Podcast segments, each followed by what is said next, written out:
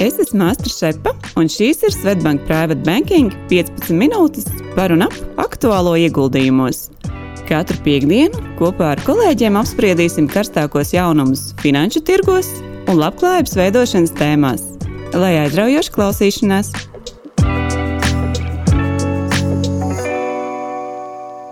Labdien, private banking klientiem!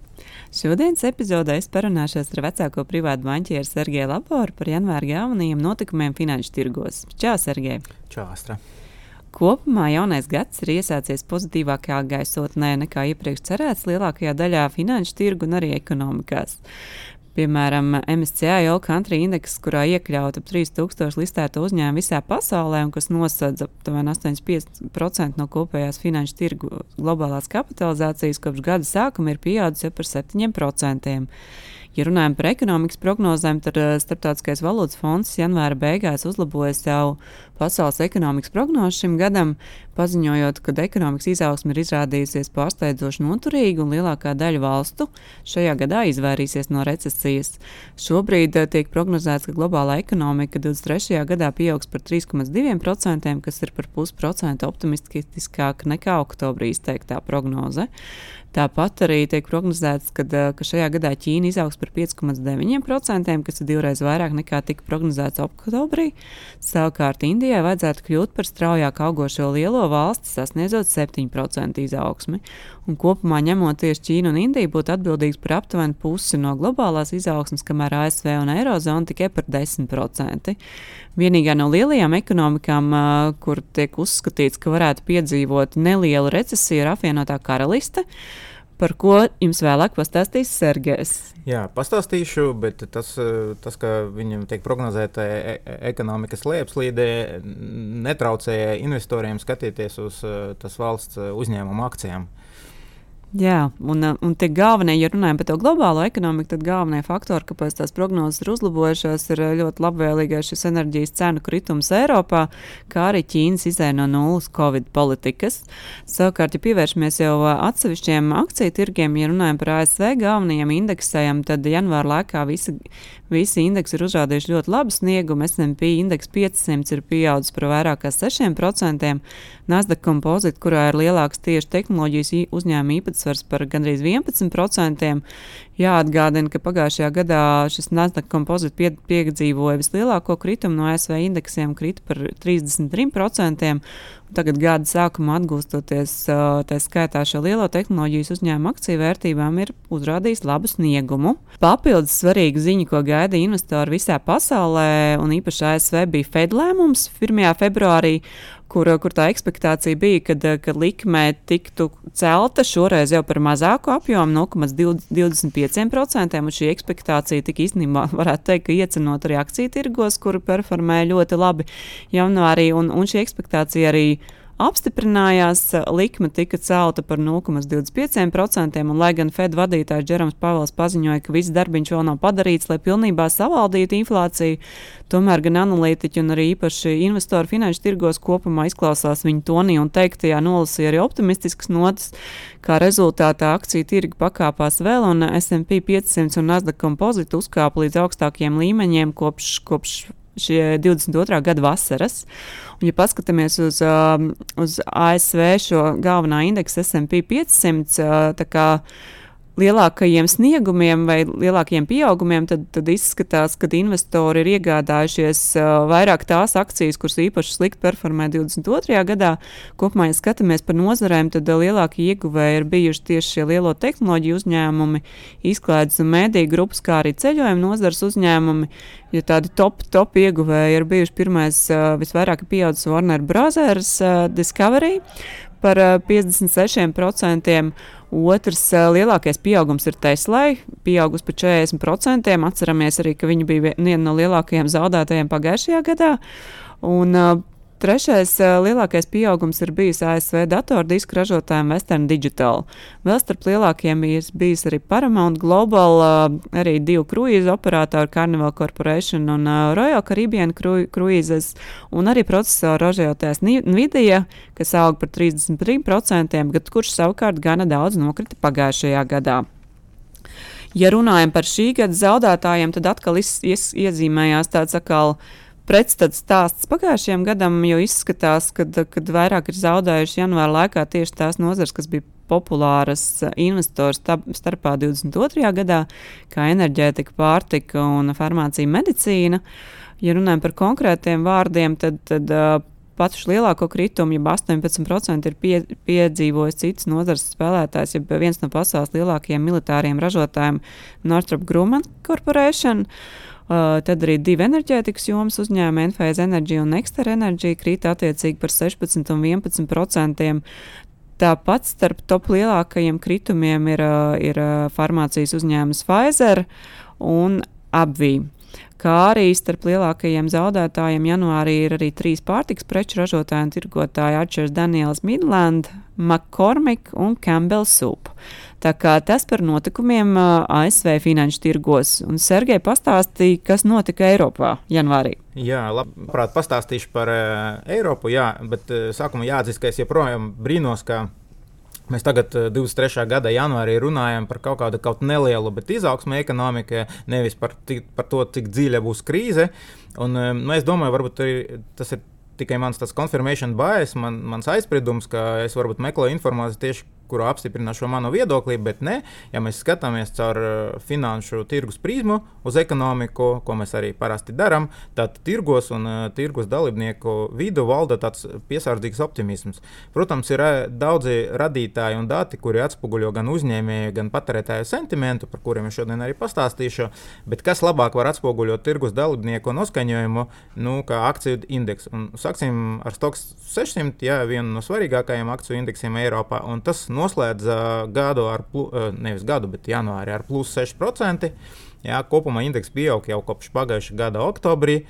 Nedaudz pakrītā decembrī, bet nu, kopumā 3,5 mēnešos indeks pieaudzis jau par 14%. Un, kā tas korelējas ar notikumiem ekonomikā?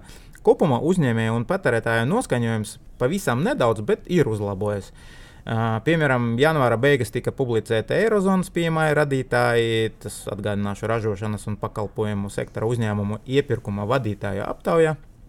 Nu, kas parāda viņu noskaņojumu. Un šis rādītājs pieaudzis līdz 50,2 punktiem, un rādītājs virs 50 punktiem liecina par ekonomikas aktivitātes uh, augšupēju. Ja. Uh, Šis rādītājs pieauga jau trešo mēnesi pēc kārtas. Vēl viens rādītājs, par kuru gribēju pastāstīt, ir ESI, jā, ekonomiska noskaņojuma rādītājs, kurš atspoguļo ne tikai uzņēmēju, bet arī patērētāju vidū valdošu sentimentu.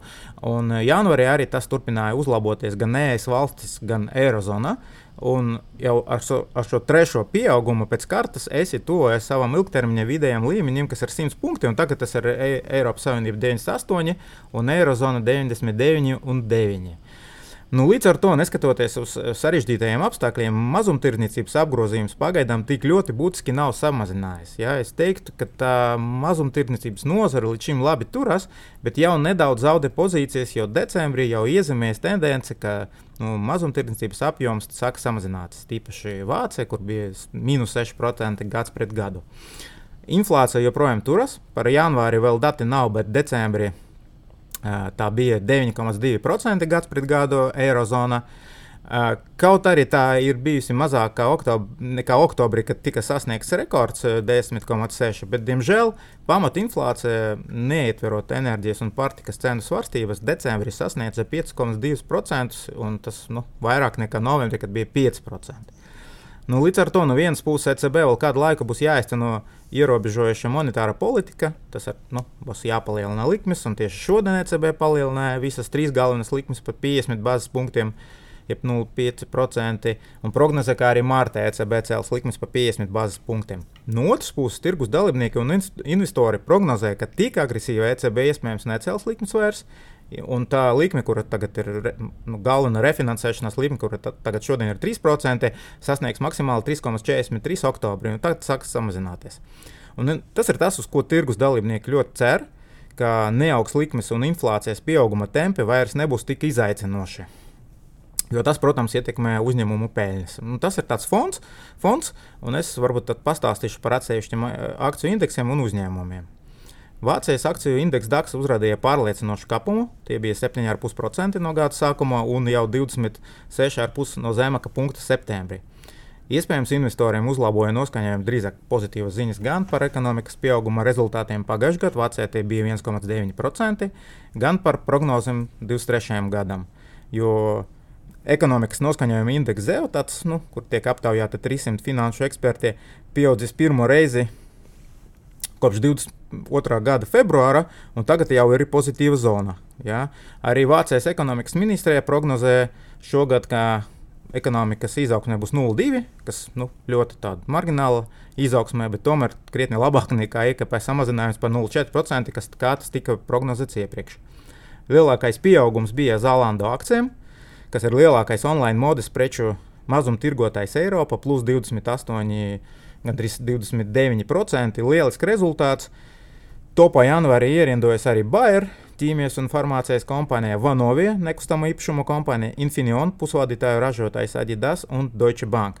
Bet, nu, kopumā tas ir tas pats, kā tu stāstīji par ASV, ka nu, izskatās, ka investori tagad steidzas pirkt akcijas, kuram pirms tam bija stipri sliktākie rezultāti, piemēram, salīdzinot ar DAX rezultātu. Nu, jā, tad, tad akcijas pakritušas krietni vairāk nekā DAX. Londonas Futsi 100 pieauga šogad par 9,8% tikai, un Mārtiņš iepriekš detalizēti jau ir stāstījis, kāpēc, nu, neskatoties uz visām tām problēmām, ar kurām Anglijas ekonomika pēc Brexit saskārusies, Fuci noslēdza gadu, iepriekšējo gadu ar pluszīmi, atšķirība piemēram no Stokas 600 un SP 500. Tas bija nu, dēļ lieliem starptautiskiem uzņēmumiem. Bet šogad, janvārī, tieši šie lielie uzņēmumi ir zaudētāji. Gan American Tobacco, Unilever, AstraZeneca, gan Glencore. Glencore noslēdza mēnesī negatīvu rezultātu. Bet līderi janvārī ir uh, International Consolidated Airlines Group. Nu, tā ir vienīgā tāda liela, tā, tas, tas liels starptautiskais uzņēmums, kas ir meitas uzņēmuma British Airways un Spānijas Iberija holdinga uzņēmums. Bet vēl topā ir GD Sport Fashion, kas ir sporta preču mazumtirgotājs, Autotrader Group, jaunu un lietotu auto tirgotājs, Burberry, luksusa modes nams un Sainsbury, otra lielākā lielveikalu ķēde. Nu, tāds sajūta, ka elastīga pieprasījuma preču ražotājiem iet īpaši labi. Tas ir nu, tas preces, kuras nav pirmas nepieciešamības un kuri ir ļoti elastīgi pret, pret, pret cenu rēģē. Pieprasījums pēc šiem precēm. Uh, nu, tas, protams, ir ļoti pārsteidzoši, ņemot vērā starptautiskās valūtas fonda prognozes, par kuru tur runāja. Uh, Francijas kek 40 pieauga šogad par 7,4% un 25% no zemākā punkta septembrī. Neskatoties uz to, ka Francijā turpinās protesti un streiki pret pensijas vecuma paaugstināšanu. Un, un, un, uh, tomēr Francijā 22. gada 4. ceturksnī ekonomika pieauga par 0,1%. Nu, tāds margināls atkal pieaugums, es teiktu, bet nu, gada izaugsme bija 2,6%, tā krietni labāk. Un tiek prognozēts, ka IKP arī šogad pieaugs par 0,3%. Līderi Francijā tā izskaita ir Kering, Gucci un citu slavenu zīmolu īpašnieks Hermes un LVMH, luksusa preču ražotāji, visi trīs. Un, uh, tas viss, protams, uz optimismu viļņa, ka Ķīna pircēji atgriezīsies veikalos un sāks ceļot. Blūmbergs pagājušajā gadā rakstīja, interesanti, jā, Blūmbergs pagājušajā gadā rakstīja, ka tieši pateicoties luksusa preču ražotāju akciju cenas pieaugumam, Francija pēc visu akciju tirgus vērtības apsteidza Angliju. Angliju. Nezinu, kā Bloomberg šo ir reiķinājis.